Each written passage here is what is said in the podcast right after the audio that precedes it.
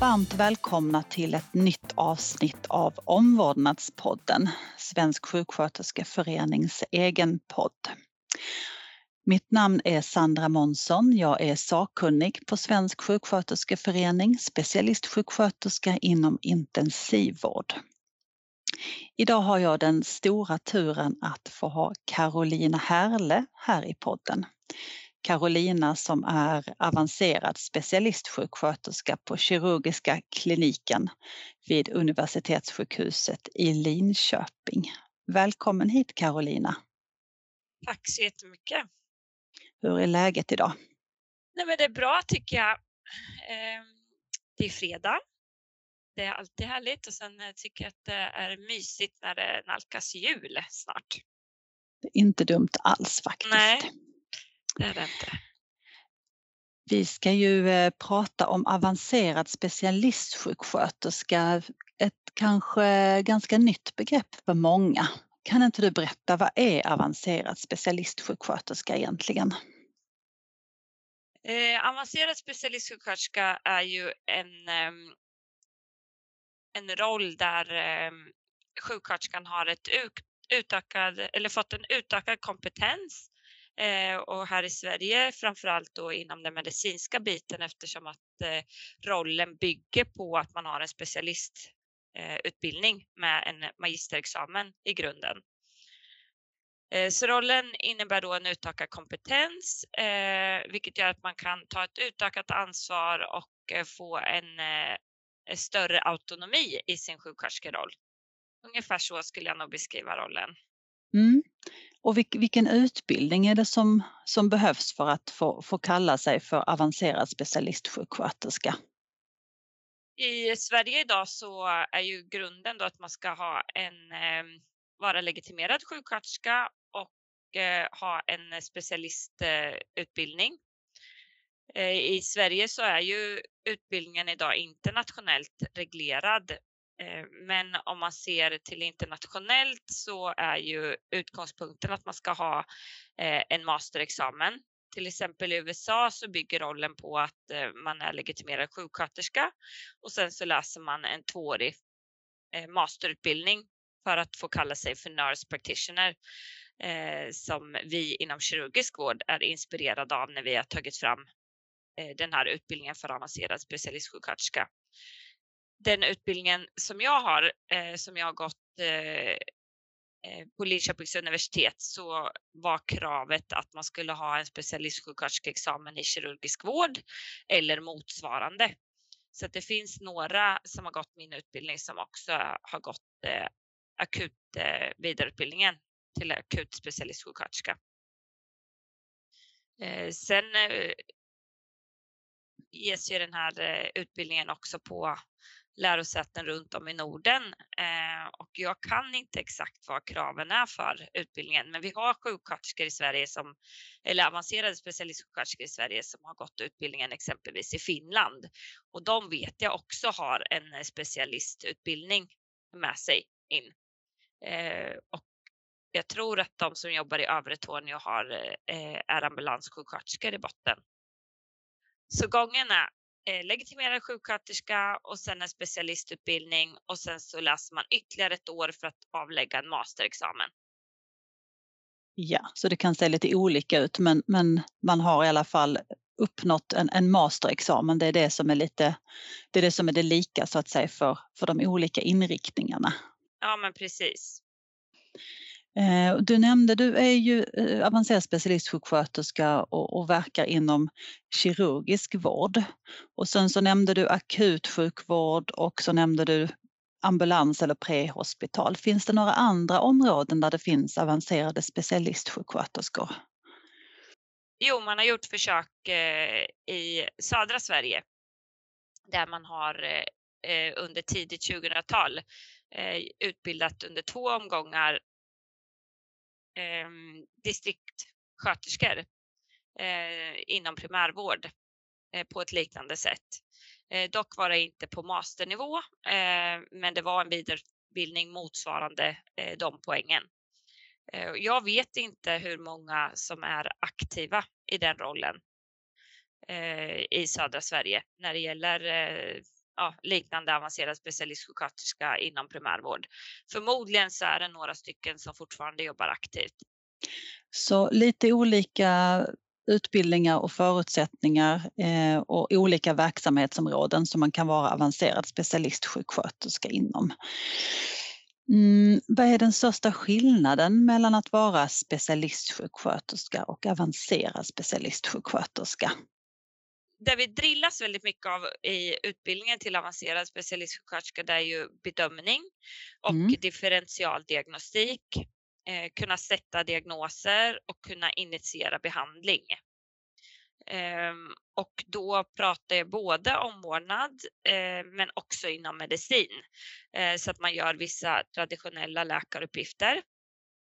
Eh, till exempel att man gör, som i mitt arbete i den kirurgiska vården så kan jag eh, bedöma en patient med andningsbesvär genom att göra en, eh, eh, en komplett Eh, klinisk lungundersökning och sedan så kan jag ta ställning till vilken typ av röntgenundersökning eller annan utredning vi behöver gå vidare med. Eh, jag kan beställa den undersökningen och jag kan eh, också följa upp undersökningssvaret. Och det skiljer sig ju ganska mycket från en specialistsjuksköterska som har sin specialistinriktning eh, eh, eh, enbart eller framför allt mot omvårdnad. Och kanske då gör en omvårdnadsbedömning av patienten med andningsbesvär och optimerar ja, liksom position, eh, att man andningsträning, djupandning, initierar de åtgärderna som de får av läkaren till exempel. Eh, så det är framför allt bedömning och eh, tänka differentialdiagnostiskt, ställa diagnos eh, som är skillnaden. I mitt kontext inom kirurgisk vård så har våra specialistsjuksköterskor någon, en roll som heter, som vi kallar för SPIK, specialistsjuksköterska inom, i klinisk tjänst, där specialistsjuksköterskorna har omvårdnadsronder. De upprättar omvårdnadsplaner eh, med patienterna, följer de här planerna, coachar sjuksköterskorna i eh, vad som behöver göras med patienterna eh, inom ramen för omvårdnad. Utvärdera de här planerna och eh, revidera dem kontinuerligt. Så det, eh, det skiljer sig ganska mycket från hur jag jobbar eh, på våran avdelning. Jag förstår. Eh, det låter ju som att man då som avancerad specialistsjuksköterska rör sig väldigt mycket i gränslandet mellan medicin och omvårdnad. Ja. Eh, upp, uppfattar jag det rätt att man, man, man rör sig hela tiden i, liksom i gränslandet och har en, en liksom fot i varje område? Ja men precis. Och det är väl liksom den stora styrkan med den här rollen. Att ja. man eh, att vi kan eh, tillföra någonting i det här glappet som finns mellan omvårdnad och medicin. För att många utav våra omvårdnadsområden är ju verkligen också i gränslandet till medicin. Mm. Eh, ta till exempel vätskebalans som är en, eh, en av våra kanske viktigaste områden på kirurgisk vårdavdelning. När man har patienter som blöder, de är dehydrerade, hypotona av olika skäl och så vidare de förlorar väldigt mycket vätska. De kan ha liksom höga flöden i stomier, höga flöden i ventrikelsonder och så.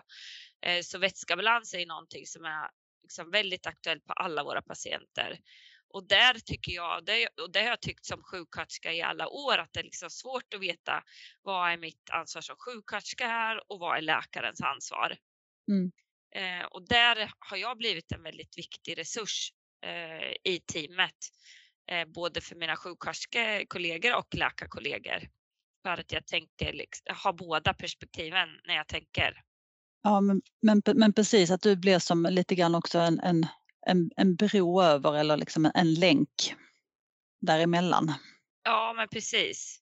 Mm. Eh, ett annat exempel är ju som när man skriver hem en patient med dropp. Eh, jag brukar dra det exemplet för att jag tycker att det så, där kommer jag och min kompetens liksom så väl till pass. Eh, men då har jag eh, både det här perspektivet, liksom hur det är för patienten som går hem med dropp, eh, hur man kan optimera för den.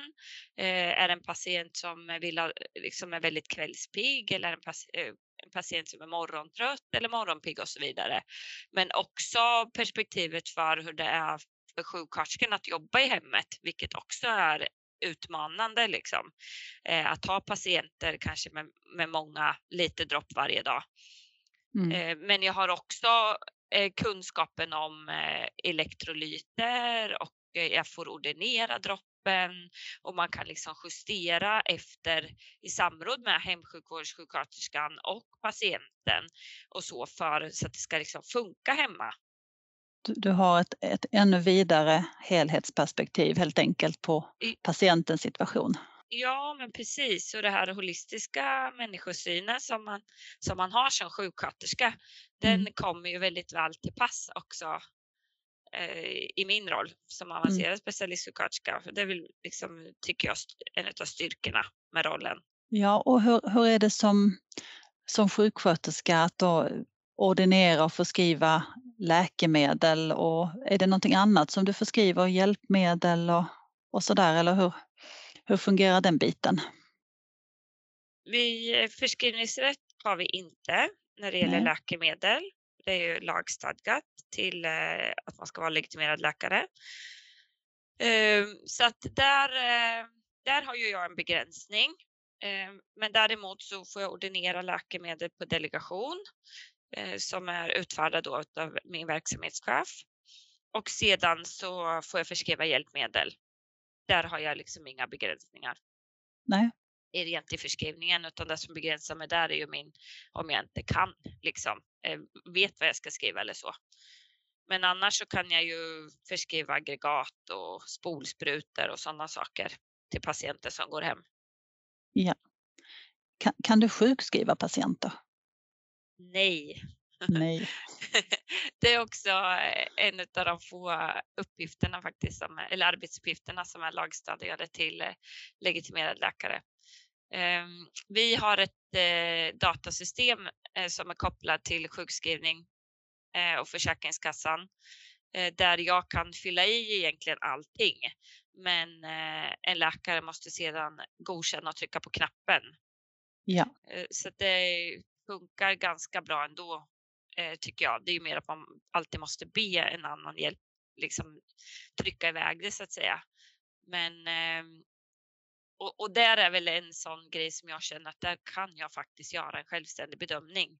Mm. Eh, jag tycker att eh, jag och fysioterapeuter och liksom vissa andra som gör självständiga bedömningar faktiskt skulle kunna få skriva sjukintyg. Mm. Eh, och speciellt som för mig som är inom ramen för kirurgisk vård där det blir väldigt tydligt patienten har ett stort snitt på magen och det finns ganska mycket beslutsstöd via Socialstyrelsen. Mm. Ja, det, det låter rimligt. Ja, det tycker jag. Det, jag tänker att det blir svårare kanske om man har med psykisk ohälsa att göra eller alltså att man är på en, en vårdcentral liksom där patienterna kanske är långtidssjukskrivna och alltså det, det är mer alltså, hos oss är det så visuellt liksom. Ja, men patienten har ett 30 meter långt snitt på magen. Den kommer inte kunna lyfta tungt liksom. Nej. Mm. Eh, jag blev lite nyfiken Karolina, hur, hur, hur, kom det sig att du blev avancerad specialistsjuksköterska? Kan du inte berätta lite grann om, om vägen hit? Hur, hur har det gått till? Mm. För oss eh, i sydöstra sjukvårdsregionen i Sverige så hade våra läkare en eh, traumautbildning i Philadelphia, USA. Dit de åkte under många år i början på 2000-talet så åkte de, eh, jag tror det var två gånger om år de skickade kirurger dit. Eh, och här såg många kirurger nurse practitioner, eh, som jag likställer mig med, eh, arbeta på eh, Hospital of Pennsylvania i Philadelphia där eh, de här avancerade specialistsjuksköterskorna eh, jobbade väldigt självständigt på avdelningarna. Men också som konsulter runt om på sjukhuset, eh, på akutmottagningen, på eh, intensivvårdsavdelningarna och så vidare. Eh, och man såg att de här eh, avancerade specialistsjuksköterskorna fyllde ett glapp Dels så fanns de kvar på avdelningen, alltså hög kompetens fanns kvar på avdelningen trots att kirurgerna lämnade avdelningen för att gå och operera. Till exempel. Eh, och då föddes liksom en idé hos våra kirurger att ah, det här skulle ju vara någonting som vi skulle kunna ta med oss till Sverige. Så med några i spetsen där så eh, inför eh, man ju ett samarbete tillsammans med några stycken eh, på eh, kirurg, eh, kirurgkliniken på University of Pennsylvania. Och sedan så tog man ett beslut i sydöstra sjukvårdsregionen att man ville satsa på den här rollen eh, 2010. Och vi fick åtta stycken platser eh, på eh, utbildningen på University of Pennsylvania på deras Acute Care Nurse Practitioner-program. Och den här utbildningen skulle vara då på hösten 2011. Vi skulle läsa en termin av eh, tre terminer då, under ett år. För deras eh, eh, läsår är uppdelat på tre terminer. Och ehm, så i Linköping då så eh, gick man ut egentligen med en förfrågan bara till alla specialistsjuksköterskor. Man frågade om det var någon som var intresserad av att hoppa på det här. Och vi var faktiskt fem stycken som sökte från oss. Eh, och där fick vi eh, ja, göra personlighetstest och Eh, personliga intervjuer och så med eh, delar av klinikledningen. Eh, och sen så blev två av oss utvalda då, att få hoppa på den här resan med att åka till USA under tre månader och läsa en del i deras program och sedan i januari 2012 så startade utbildningen då vid Linköpings universitet. Och anledningen till att jag hoppade på det här, det var för att jag har alltid varit en så driven person eh, och jag älskar kirurgisk vård. Eh, jag känner, kände ganska tidigt att här har jag verkligen hamnat rätt liksom. Eh, och man vill ju inte vara den som står och tittar på när tåget går kände jag. Så att, eh, därför så hoppade jag på det här. Och då hade jag varit specialistsjuksköterska sedan 2005. Så att eh, det passade ganska bra i mitt liv att gå vidare då. Så då fick du en eh, särskild utbildning i USA? Ja, men precis. Och eh, det är ingenting som jag egentligen fick tillgodoräkna mig här hemma utan det var bara en, en bonus. Mm. Eh, men när, jag, när vi kom till USA, vi var ju åtta stycken som kom dit.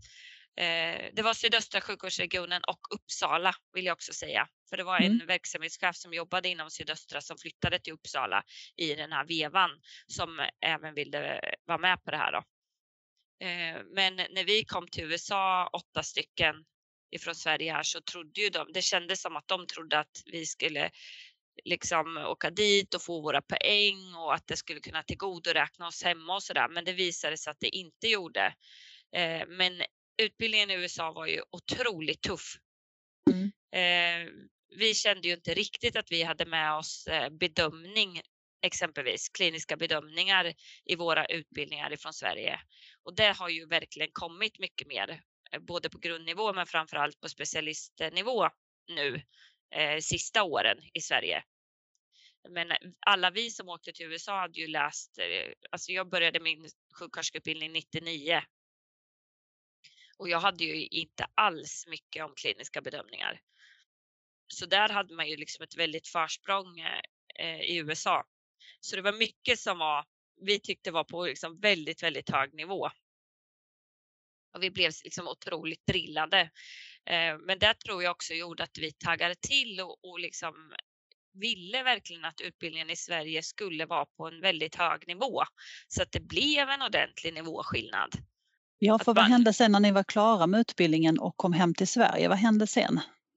Ja, men för då, vi, gick ju, vi kom ju hem i december 2011. Eh, vi åkte i augusti, eh, ja, någonting sånt.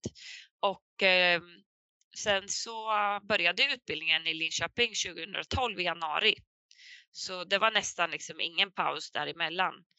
Ehm, så då under tiden så hade ju en grupp på universitetet här också haft kontakt med USA och varit där och gjort studiebesök och så och utformat en utbildning där vi kunde vara alltså där vi var delaktiga i vissa moment. Alltså, vi kunde hjälpa till med hur vi skulle ta fram exempelvis om vi skulle ha basgrupp eller om vi skulle ha case. Det är två olika sätt att arbeta. Mm. Så där kunde ju vi vara behjälpliga eh, och även med att sätta nivån för utbildningen. För som sagt var USA är den ju väldigt hög. Eh, och vi kände ju att vi vill ju inte ha en sämre utbildning om vi ska likställas med nurse practitioner i USA. Eh, men så att jag startade utbildningen nästan direkt när jag kom hem därifrån. Och jag tror att vi fick tillgodoräkna oss ett, eh, ett litet arbete, men i övrigt så läste vi den fullt ut. Liksom. Eh, och eh, den, den utbildning som du var med och formade finns kvar än idag vad jag förstår? Ja, men precis. Det har ju varit eh, tre stycken omgångar eh, vid Linköpings universitet och de sista kullen som jag brukar kalla dem. De eh, tog examen förra året, 2021 i juni. Och nästa kursstart planeras till augusti 2023. Ja, om, om man, vill, om man lyssnar här nu och blir nyfiken på det här med att, att uh, utbilda sig till, till avancerad specialistsjuksköterska, är det någonting mer än utbildningen som man behöver ha?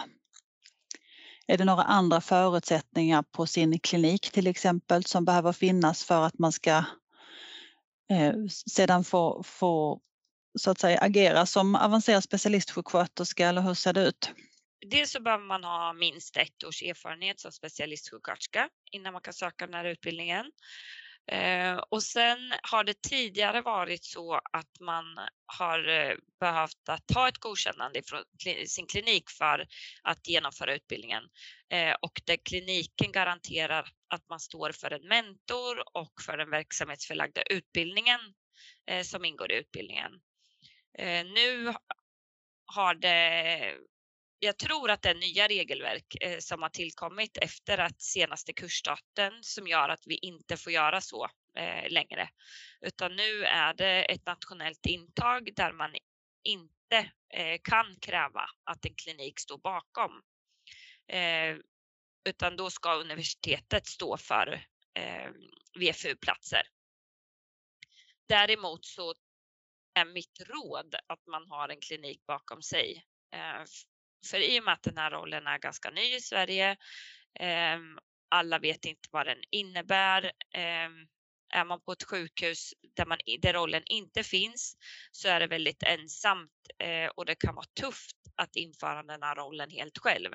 Och då är min starka rekommendation att man har en klinik bakom sig. Även om det inte liksom finns ett formellt eh, eh, krav liksom på att man, att man ska ha det. Eh, men jag tror att man eh, personligen har väldigt mycket nytta av att ha en klinik eh, bakom sig när man läser den här utbildningen. Och vi kommer ändå, trots att vi inte får kräva att man har en klinik bakom sig, så, så kommer det att vara väldigt positivt för de som söker. Och att man får göra sin verksamhetsförlagda utbildning på den kliniken där man verkar. Ja, för, för hur ser det sedan ut när eh, utbildningen är avklarad? Är det så att din erfarenhet säger den att, att majoriteten sedan kommer tillbaka till sin, sin klinik och så finns det en tjänst som avancerad specialistsjuksköterska eller hur, hur har det där sett ut? Eller går man tillbaka och fortsätter vara specialistsjuksköterska fast med, med en högre formell kompetens eller hur ser det där, hur ser det där ut? Eh, de flesta av oss som har gått utbildningen har ju fått en ny, eh, en ny tjänst som avancerad specialistsjuksköterska. Men det har också funnits personer som, där det inte har varit eh, klart när man är färdig. Och för de personerna så har det eh, varit mycket, mycket svårare eh, på arbetsplatsen. Eh, så det har sett lite olika ut, men majoriteten har absolut haft en ny tjänst som avancerad specialistsjuksköterska. Så att, man är, så att man verkligen nyttjar den kompetensen som finns, tänker jag. Ja, precis. Mm. Kan inte du beskriva en vanlig dag på jobbet som avancerad specialistsjuksköterska? Jo, det kan jag absolut göra. Um, jo, men jag börjar ju halv åtta på morgonen uh, och då börjar vi Eh, ofta så eh, hinner jag kort stämma av liksom på avdelningen om det skulle vara någonting. Eh, och då kan det vara någon som har någon liten fråga eh, om kanske ett dropp eller eh, patient som eh, kanske behöver inhalation eller sådär. Eh, men bara kort, en kvart ungefär. Sen har vi jourrapport vid kvart i åtta. Eh, där samlas alla läkare och eh, avancerade specialistsjuksköterskor Eh, där avgående jour berättar om vilka fall som har kommit in under natten och om det är några patienter på avdelningen som det har varit några frågor kring eh, eller några patienter som har blivit försämrade under natten eller så. Och sen så har vi röntgenrond eh, klockan åtta eh, och då delar man upp sig i, i de olika sektionerna. Eh, för på morgonmötet så ses hela klinikens läkare. Så då går jag tillsammans med eh, akutkirurgi och trauma sektionens läkare som jag tillhör. Jag jobbar på Kava i Linköping Ehm, och så har vi röntgenrond. Ja, allt ifrån en kvart till eh, 45 minuter beroende på vilken dag det är och hur många fall som har kommit in sedan vi hade röntgenrond senast. Eh, och efter röntgenronden så fördelar vi dagens arbete. Vem det är som rondar vilka vårdlag. Eh, vi har ganska många utlokaliserade patienter som det ser ut nu, eh, så då delar vi upp dem mellan oss. Och där eh, brukar jag då ta sådana som jag självständigt kan hantera. Eh, patienter till exempel med blindtarmsinflammation, eh, eh, gallblåsinflammation, eh, divertikulit och så. Eh, så då kan jag ta några av de patienterna. Eh, och efter att vi gjort arbetsfördelningen så går vi igenom eh, också akuta operationer och vad, liksom vad, vad förutsättningarna är eh, för dagen så att alla vet det.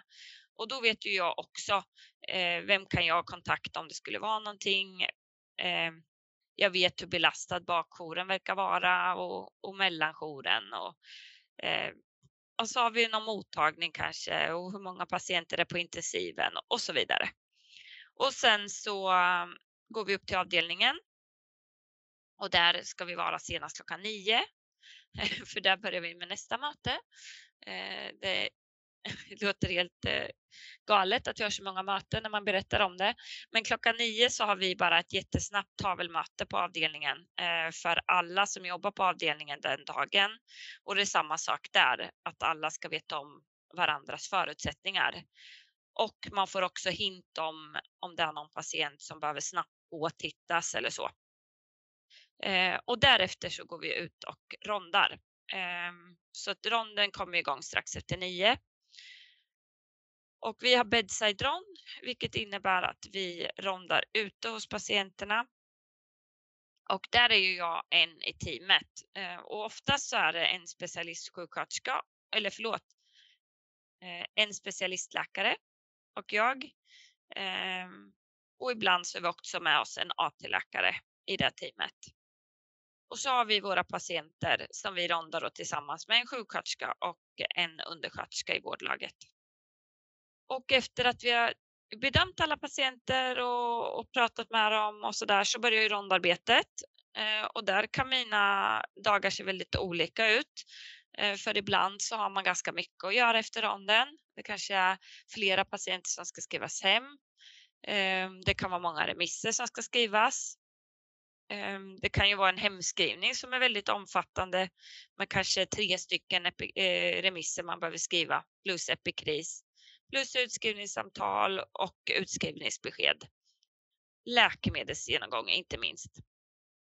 Eh, så för mig kan ju det ta ganska lång tid.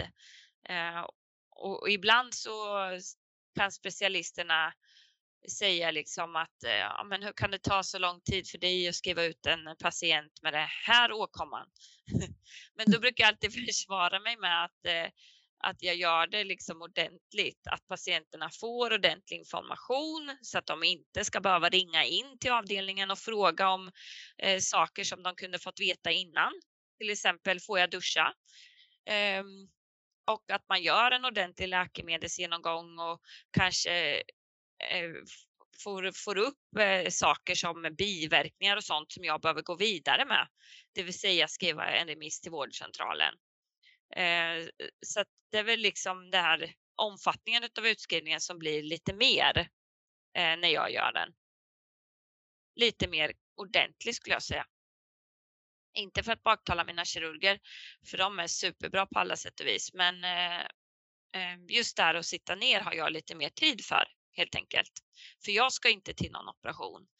Eh, eller jag ska inte till akuten och bedöma en patient eller vad det nu kan vara. Och sen nästa hållpunkt för oss, det är eftermiddagsrond som är någon gång mellan tre och halv fyra. Då vi har en avstämning Eh, med sjuksköterskorna eh, och då är vi inte ute hos patienterna. Så de patienter som är eh, lite svajiga ehm, och som kanske har varit dåliga under dagen eller potentiellt kan bli dåliga, de ska ju ha bedömt då innan eftermiddagsronden. Och den sista hållpunkten är en rapportering till våran jour eller pågående jour till natten klockan 16. Så att ehm, dagen däremellan ser väldigt, eh, alltså mellan förmiddag och eftermiddagsrond ser väldigt olika ut. Eh, och eh, där är ju också det här med att liksom göra bedömningar om det är så att det är någon patient som blir dålig eller om en patient kommer in akut Eh, eller att vi gjort ändringar på förmiddagsronden som vi måste följa upp. Så mycket sånt gör jag under dagen, liksom kontinuerliga eh, bedömningar. Eh, men sen är jag ju också, liksom jag är ju med och, och ger mycket utbildning på våran avdelning.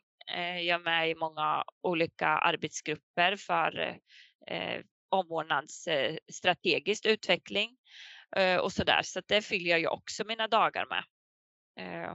Och sen är jag ju också doktorand så att får jag lite tid över så, så kan jag alltid liksom gå och läsa på eller ja, men greja med saker jag behöver göra med mina doktorandstudier. Eh, så att jag tänker att den här rollen är ju, förutom att man är liksom väldigt styrd till när man börjar och slutar på dagen, eh, så, är, så är den ju på ett sätt ganska flexibel. Mer flexibel än vad det är att jobba som sjuksköterska i ett vårdlag. Eh, för jag får oftast liksom någon eller ett par dagar i veckan tid där jag faktiskt har möjlighet att göra läsa mina mejl och läsa på om det är någonting eh, som jag känner att jag behöver eh, bilda mig mer i eller vad det nu kan vara. Eh, och det är en stor fördel med den här rollen. Tycker jag. Att det är väldigt ett självständigt arbete på ett annat sätt och att det det ger utrymme för Eh, både dig själv att kompetensutveckla dig men även att ingå som du beskriver de olika arbetsgrupperna och utbildningsaktiviteterna på avdelningen. Ja men precis, så att jag behöver inte, för mig, jag behöver inte ha en administrativ dag för att hinna med det eh, som mina sjuksköterskekollegor behöver. Eh, utan det hinns oftast ändå. Sen kan det ju vara så här att det veckor där det absolut inte hinns och då blir det ju en stor frustration såklart. Men det blir det ju för alla. Mm. Så det är ju lika för alla tänker jag. Ehm, men jag känner ändå att jag har mer, mer flexibel tid emellan. Eh, sen är det ju liksom ganska långa dagar. Jag jobbar till halv fem och, och så där. Men eh, istället så får jag jobba till klockan två på fredagar. Så det är ju mentalt väldigt härligt låter som ett stort plus. Ja, det är det. Absolut. Mm. Mm. Um, om du, när du går ifrån eh, arbetsplatsen och känner idag har jag haft en riktigt bra dag på jobbet. Kan du ge något exempel på vad är det som, som kan ha hänt då när du har den där härliga känslan? Eh, nej men jag, jag tycker det absolut roligaste det är när man eh, har eh, liksom kunnat bilda bra relation med eh, patient och anhöriga. För det är någonting som jag tycker ibland kan vara lite svårare än som sjuksköterska i ett vårdlag. Där du liksom är inne mycket hos patienten eh, flera gånger under ditt arbetspass. Ofta så kanske jobbar kväll och dag och man hinner liksom lära känna patienten. Eh, och jag hinner inte lära känna alla patienter som jag har hand om. Eh, så det, det, tycker jag är fortfarande väldigt, väldigt roligt när man liksom har tid och eh, har tid att ge mycket tid inne hos en patient och anhöriga och göra det väldigt bra för dem. Eh, till exempel att säkra upp en utskrivning där patient och närstående är eh, ja, men kanske oroliga och att de har varit in, eh, vårdats under en lång tid hos oss och det är ett stort steg att komma hem. Att verkligen liksom ha den där möjligheten att eh, göra det tryggt och säkert. Eh, så att de är nöjda med sin hemgång och vet eh, precis vad som ska hända och vem de ska kontakta när och så. Att man liksom säkrat upp den här tryggheten. Mm. De dagarna tycker jag är eh, eh, då går jag väl hem med ett extra leende på läpparna. Eh, men jag tycker, alltså jag älskar ju mitt jobb. Jag tycker att de eh, flesta dagarna är eh, liksom så här sköna på jobbet. Det är kul att jobba med sjuksköterskor och undersköterskor och, och läkare, liksom, jobba i teamet. Eh, så, så kan det också vara att man har haft någon patient som har blivit dålig under arbetspasset men man känner att man har gjort det bästa möjliga i situationen och kan vara nöjd över det. Just med tanke på eh, möte med patienter och närstående, jag tänker vad, vad, får du för reaktion från dem när du kommer in och presenterar dig som avancerad specialistsjuksköterska? Vad är deras eh, ja, vad är deras reaktion helt enkelt? För jag tänker det är ju inte någonting som man kanske är så van att, att känna till. Nej, men jag får väldigt, väldigt, väldigt sällan höra någonting negativt eller att höra att eh, liksom, ska vi inte prata med en doktor också? Mm. Eh, det, det, får jag höra ibland, men när jag väl presenterar mig och jag, jag tror att jag liksom ger förtroende bara av eh, det jag säger. Mm. Och, och, så tror jag att det handlar mycket om. Oavsett liksom vem du träffar så är det ju vad som kommer ur den personens mun, eh, den personens kroppsspråk och så vidare som betyder någonting. Mer än vad det står på skylten. Mm. Eh, och ibland så kan det ju vara så att om jag kommer in och ska ronda själv till exempel, att jag gör allting och undersöker och, och förklarar och så. Eh, och så, så kan jag ju få frågan så där att ja, men ska vi inte träffa en, en läkare också? Och då brukar jag alltid fråga, är det någonting mer som ni undrar över som gör mm. att ni vill träffa en läkare? Och då får jag ju nästan alltid svaret att nej, det är det inte. Eh, så det är mer, och det kan ju vara ett sätt liksom att man är ovan vid den här rollen och att man bara vill liksom checka av så att man mm. som då patient förstår rätt att aha, det här är den enda personen jag kommer träffa.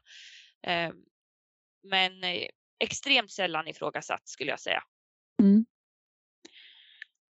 Vilka är de största utmaningarna med din roll? Ja, men det är ju att man inte vet vad den innebär.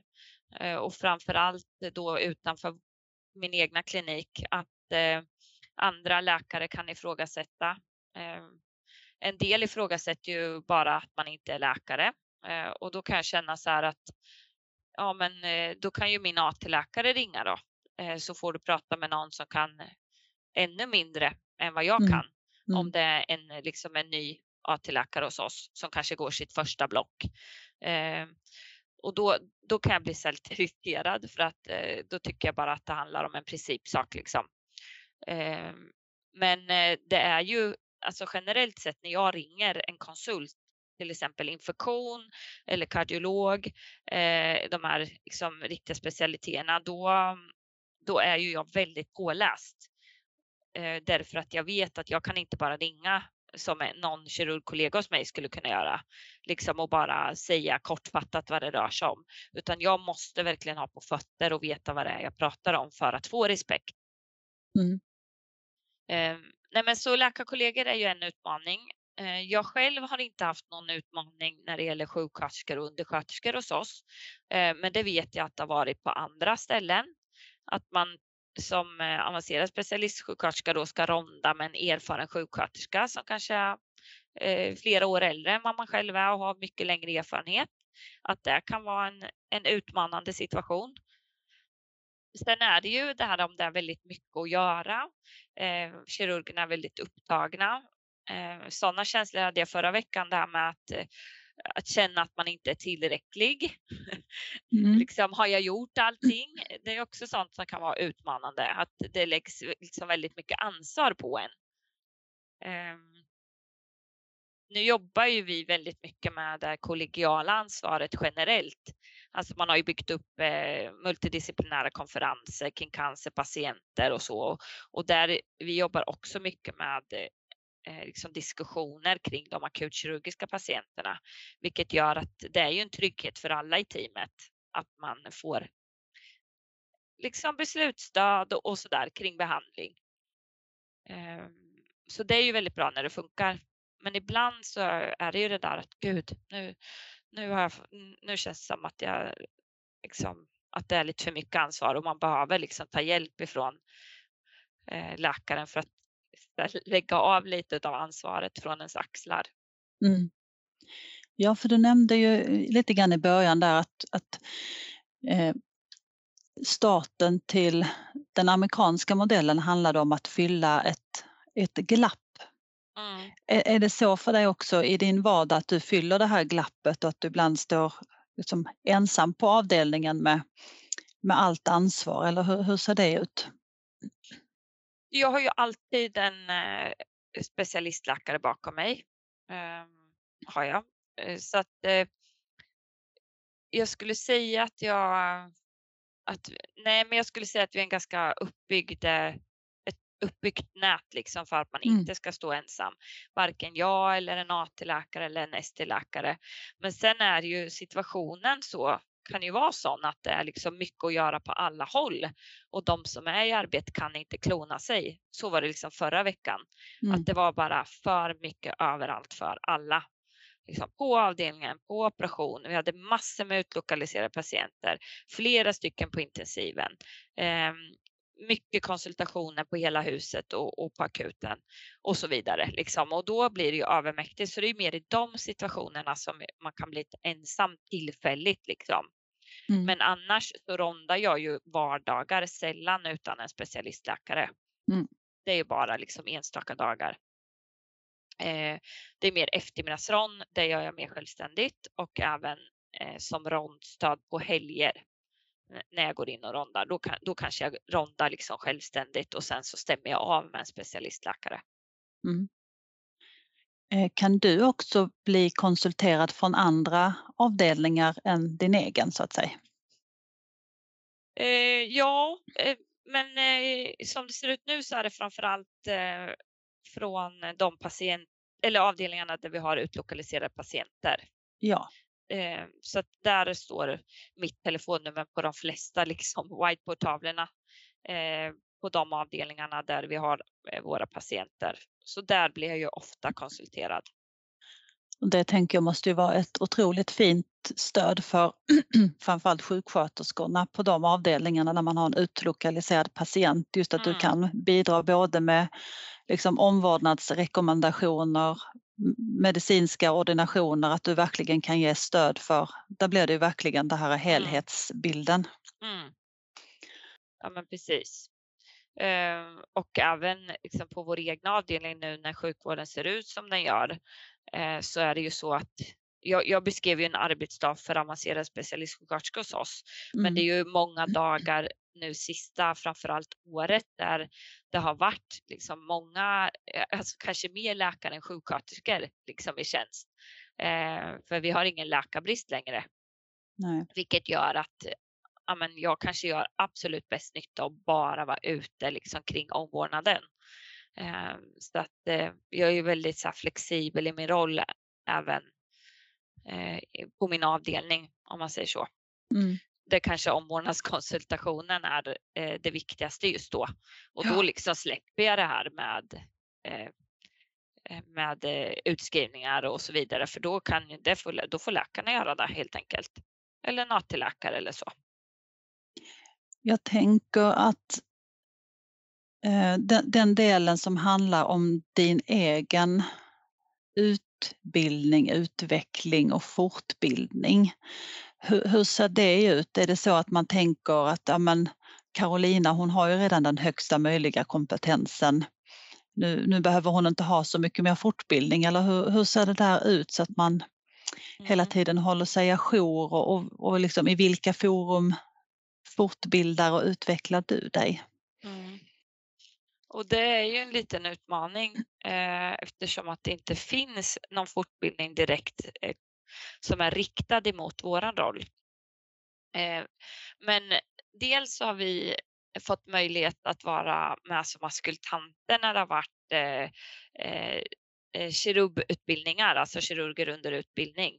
När de har haft, eh, eller eh, eh, eh kubbkurser och de, heter kirurg, eh, och de är för kirurger under utbildning. Att man har kunnat vara med som askultant på liksom olika specialiteter.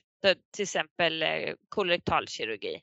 Mm. Om de har haft en, en kurs för eh, en sån här kubbkurs då, för kirurger under utbildning.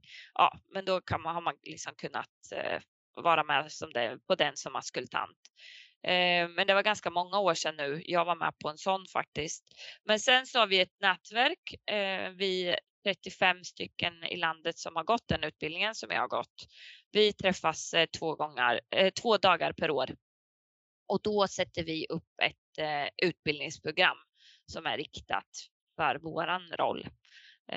Och eftersom att det går runt och att vi har de här nätverksträffarna på de ställena där det finns en sån här roll, då vet ju de personerna som vi tillfrågar att föreläsa vilken nivå de ska lägga sig på. Mm. Eh, så det är ju en riktad fortbildning kan man säga, men den, liksom, den fixar vi ju helt och hållet själva då. Mm. Eh, men så det är, väl, det är ju en utmaning, men sen är det ju också aktuellt för oss att eh, utvecklas inom omvårdnad. Så till exempel NFSKs omvårdnadskongress och sjuksköterskedagarna. Och för med, oavsett eh, som sjuksköterska så kan man ju vara liksom helt ny grundutbildad eller så kan man vara avancerad specialistsjuksköterska och ganska erfaren men ändå eller så kan man vara disputerad sjuksköterska och så men någonting kan man ju ändå ta till sig från alla kongresser. Att där finns det också mycket att hämta. Ja, men precis. För Caroline... det gäller ju också att utveckla sin egna sjuksköterskeroll tänker jag. Eller omvårdnadsbiten och hänga med där. Så man ja. inte tappar den biten. Men exakt, att man fortsätter utvecklas även inom omvårdnad, det är viktigt. Mm. Jag tänker Carolina, de som lyssnar på podden och inte har hört om NFSK förut, vad står den förkortningen för? Ja, förlåt. Eh, den står för Nationella föreningen för sjuksköterskor i kirurgisk vård eh, som är eh, ett Eh, en förening under Svensk sjuksköterskeförening. Eh, och den föreningen arbetar både med professionsfrågor för sjuksköterskor, specialistsjuksköterskor och avancerade specialistsjuksköterskor i kirurgisk vård. Eh, men den arbetar också mycket för kirurgisk omvårdnad för patient och närstående. Tack för det förtydligandet.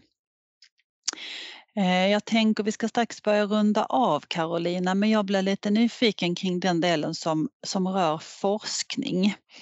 Eh, ingår det liksom obligat som avancerad specialistsjuksköterska att ja, driva någon egen forskning eh, eller är det, är det lite valfritt eller kan det se olika ut beroende på vilken, vilket sjukhus man arbetar på till exempel?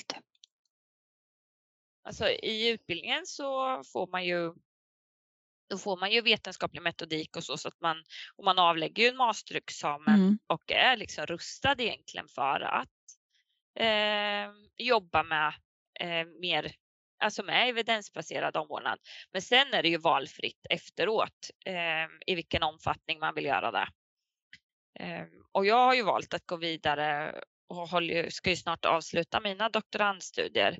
Eh, och vi är några till, eh, eller vi är två till i den gruppen med 35 stycken som eh, har tagit examen som också är doktorander. Så jag tänker att det kan ju ändå födas en del nyfikenhet och så och intresse kring forskning ju mer ju på högre akademisk nivå man läser liksom. Mm. Men det är inget krav. Det är inget krav. Nej, men det är ju sånt som eh, man pratar om eh, internationellt och så, om det kanske är så att den här rollen egentligen skulle vara på en doktorsnivå. Eh, och där är väl jag lite så här tveksam för att jag tycker fortfarande att det kliniska fokuset ska vara det primära, för det är där vi saknar Alltså vi saknar en karriärsutveckling för sjuksköterskor Mm. eh, kliniskt. Eh, och det är ju jättemånga som inte känner att de vill eh, avlägga en doktorsexamen. Men det är ju det är fyra år på heltid, det är ju en tuff utbildning. Eh, så, så det känns ju som, tycker jag, som lite bakåtsträvande faktiskt. Även om jag förstår poängen med att man ska ha en hög akademisk examen så tycker jag att det är viktigt också att främja de här sjuksköterskorna som inte vill forska att faktiskt få utveckla sig kliniskt. Mm. Och om vi vänder på steken, vad säger den forskning som har gjorts, vad säger den om avancerad specialistsjuksköterskors betydelse för patienten eller vilken skillnad eller vad säger forskningen? Har du någon, har du någon liten översiktsbild att dela med dig av? Eh, nej men eh, forskningen eh, generellt sett är ju liksom positiv till den här rollen. Det är ju bara, eh, eller det är ingen forskning som är gjord eh, ur patient och närstående perspektiv i Sverige. Ännu, ska jag vilja säga. Eh, men när det gäller internationellt så så ser man ju till exempel att patienter, att det, det effektiviserar vårdkedjan. Eh, att patienterna eh, kan få komma hem tidigare så det blir kortare vårdtider. Man ser ehm, också en ökad eh, patientnöjdhet ehm, när man eh, har blivit omhändertagen av eh, avancerade specialistsjuksköterskor så att det är liksom ingen skillnad där. Ehm, det har väl eh, liksom eh, varit en del, det finns en del forskning som säger att eh, NPs då, när man ser en internationellt nurse practitioner kanske skriver lite fler remisser och så. Mm. Och där kan man ju både se som att eh, man är lite mer osäker i sin bedömning kanske. Eh, men man kan ju också se det som att om man skriver mer remisser till vårdcentral för man ser att patienterna har biverkningar av sin medicinering som behöver följas upp för det, det till exempel, jag tror att jag skriver lite fler remisser till vårdcentralen när patienterna går hem. Men det har nog mer för att, att göra med att jag djupdykt liksom i mm. problem mm. som jag mm. tycker är viktiga att följa upp. Eh, och man ser att, eh, att avancerade specialistsköterskor står för eh, kontinuitet eh, och att AT-läkare oftast liksom är korta perioder på avdelningen Eh, och där kan liksom eh, eh, avancerade specialistsjuksköterskor då fylla det här glappet med kontinuitet och kunskap eh, på avdelningarna. Det verkar ju vara en eh, otrolig vinst för patienterna. Det som ja. du beskriver. Mm. Mm. Jo men det Verkligen. tror jag. Men sen, och sen också att eh, det finns ju också forskning som är positiv gentemot vad sjuksköterskor tycker. Det här med att nya sjuksköterskor kan tycka att det är lite mindre liksom skrämmande att ställa frågor till avancerade specialistsjuksköterskor eh, om man jämför med läkare. Mm. Och att man har den här tillgången till en snabb beslutsfattare. Just det. Eh, man och, behöver inte vänta på någon som står på operation utan det finns någon som är mer tillgänglig. Ja men precis.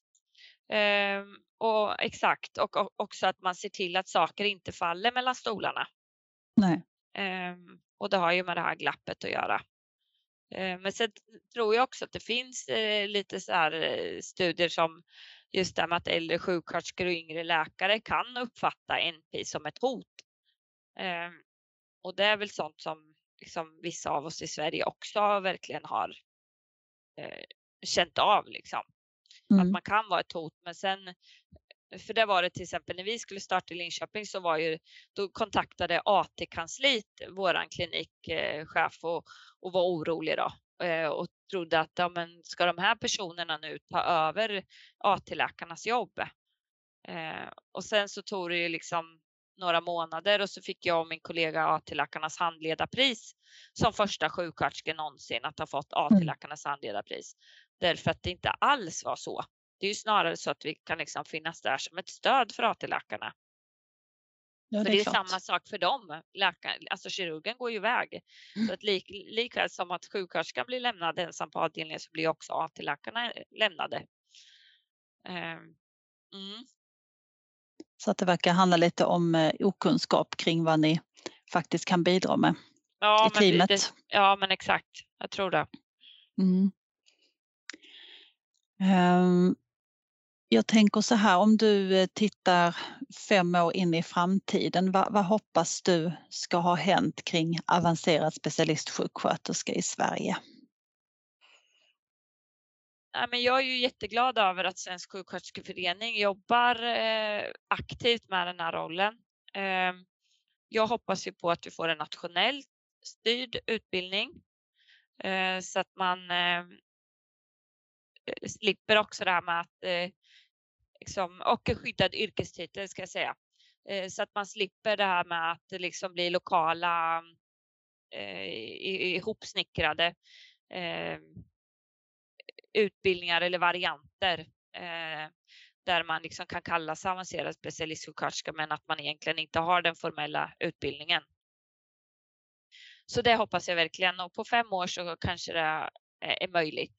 Eh, och sen så hoppas jag ju att den är spridd inom andra professioner än bara kirurgisk vård. För jag tror väl, verkligen att man kan göra nytta eh, med en högre kompetens.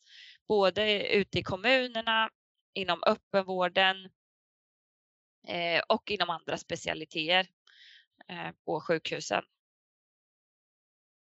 Så det hoppas jag på, för vi behöver ju bli fler om den här rollen ska bli en vedertagen roll i Sverige.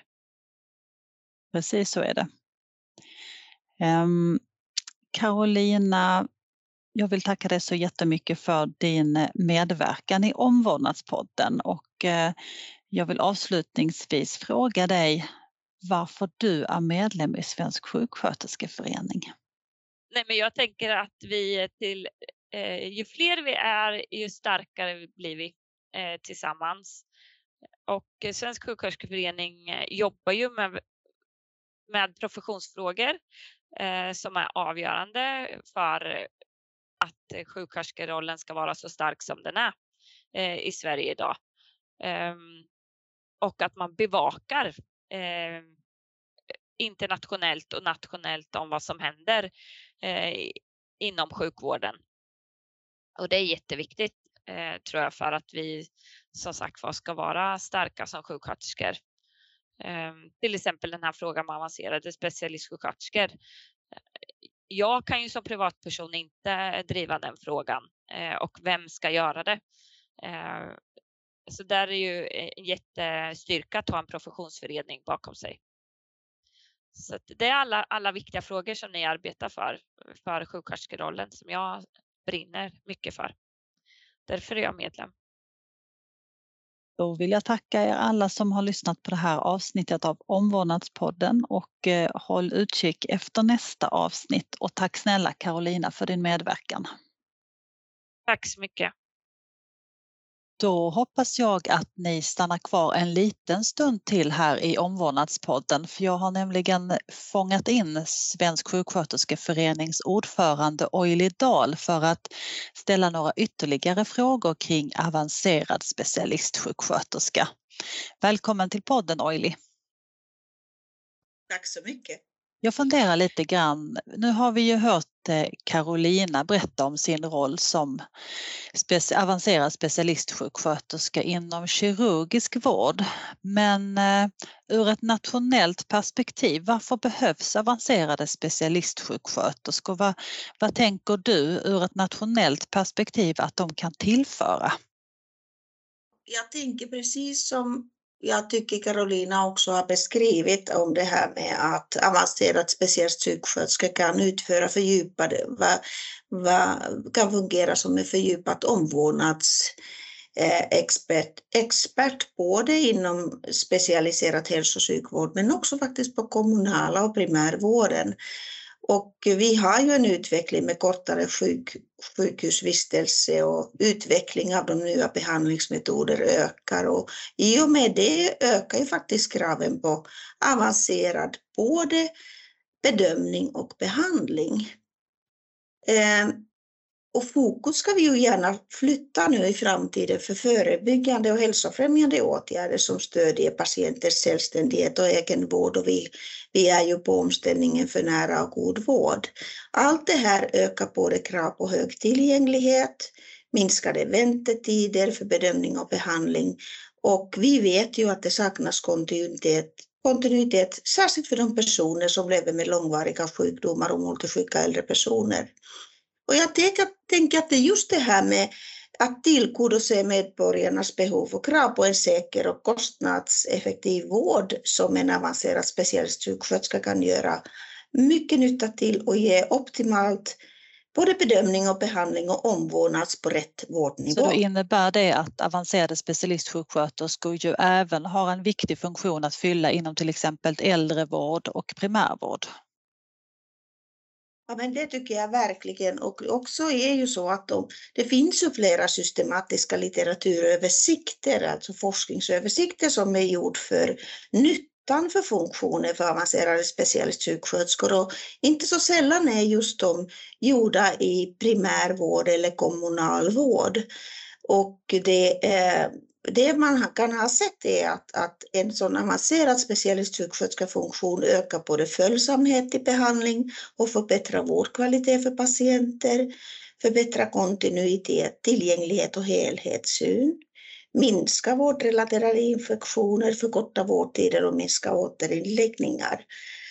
Eh, och det är, ju, det är ju sådana saker som vi ser i äldre och primärvården, att det finns ett mellanrum särskilt just där, där personer i behov av vård riskerar att hamna både mellan olika vårdgivare och olika vårdnivåer. Och där finns det ju behov att göra mera kvalificerade omvårdnadsbedömningar och samordna insatser i teamet. Och, och jag tänker att både forskningen visar det att, att en avancerad specialistsjuksköterska skulle även i det här vården öka trygghet och livskvalitet och, och minska sjukhusinläggningar, minska infektioner och förbättra kontinuitet, kontinuitet, tillgänglighet och helhetssyn. Det som vi inte är riktigt, riktigt bra på ännu i Sverige. Mm. Eh, och hur arbetar Svensk sjuksköterskeförening i frågan om avancerad specialistsjuksköterska? Vi har ju arbetat flera år med att både beskriva och ta fram forskningen om avancerad specialistsjuksköterska. Eftersom det finns ju redan i så många länder så har vi ju försökt att beskriva eh, nyttan av de funktionerna men också hur en utbildningsväg och ett nationellt nationellt samsyning över utbildning ska kunna se ut. Så vi från Svensk sjuksköterskeförening har arbetat tillsammans med Vårdförbundet flera år för att få till en utbildning och skyddat yrkestitel för en avancerad specialistsjuksköterska som följer internationell standard. Och i det arbetet så har vi ju bland annat samarbetat med och haft eh, seminarium och dialog med Nationella vårdkompetensrådet. Vi har lyft frågan i Socialstyrelsen. Vi har diskuterat och beskrivit det för politiker. Vi hade också ett ganska stor arrangemang och ett seminarium om det på Almedalen. Och framförallt har vi diskuterat med riksföreningar och sektioner, alltså med specialistsjuksköterskor för att få fram det på vilket sätt de i sin specialistområde ser att en avancerad sjuksköterska kan tillföra i vården och teamet och framförallt för personer i behov av vård. Så vi har tagit fram en broschyr som är grundläggande som beskriver vad avancerad specialistsjuksköterska är och också eh, utbildningsväg. Och eh, nu är vi på gång med en annan broschyr vad Flera av specialistsjuksköterskor själv beskriva via olika fall vad en avancerad specialistsjuksköterska kan, kan tillföra för helhetsvården för de patienterna de beskriver om. Och det här är ett arbete som du hörde ju jag sa att vi har jobbat flera år och vi är på väg och vi har väckt väldigt mycket intresse om det här eh, för den här funktionen och det här kommer vi ju fullt, jobba fullt med påverkansarbete och kraft även nästa år 2023. Härligt, ett, ett eh, långt arbete som redan är gjort men det verkar vara en, en bit på väg innan det här har, har fallit på plats. Eh, hur tänker du Oili, vad är det som Och när du tittar in i och har en vision av framtiden gällande avancerad specialistsjuksköterska, hur, hur ser du på det? Vad, vad, vad skulle du vilja händer? Hur, hur, vad skulle behövas för att vi, vi når dit så att säga? Mm.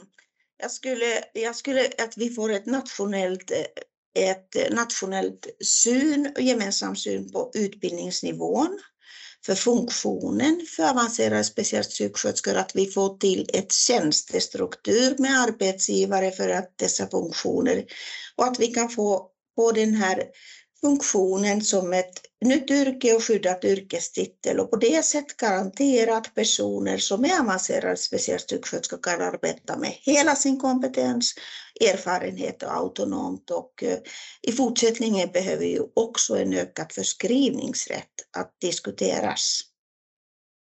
Och jag tänker att Eh, jag är övertygad om att det här är bra för personer i behov av vård och det har vi ju lite diskuterat här om redan.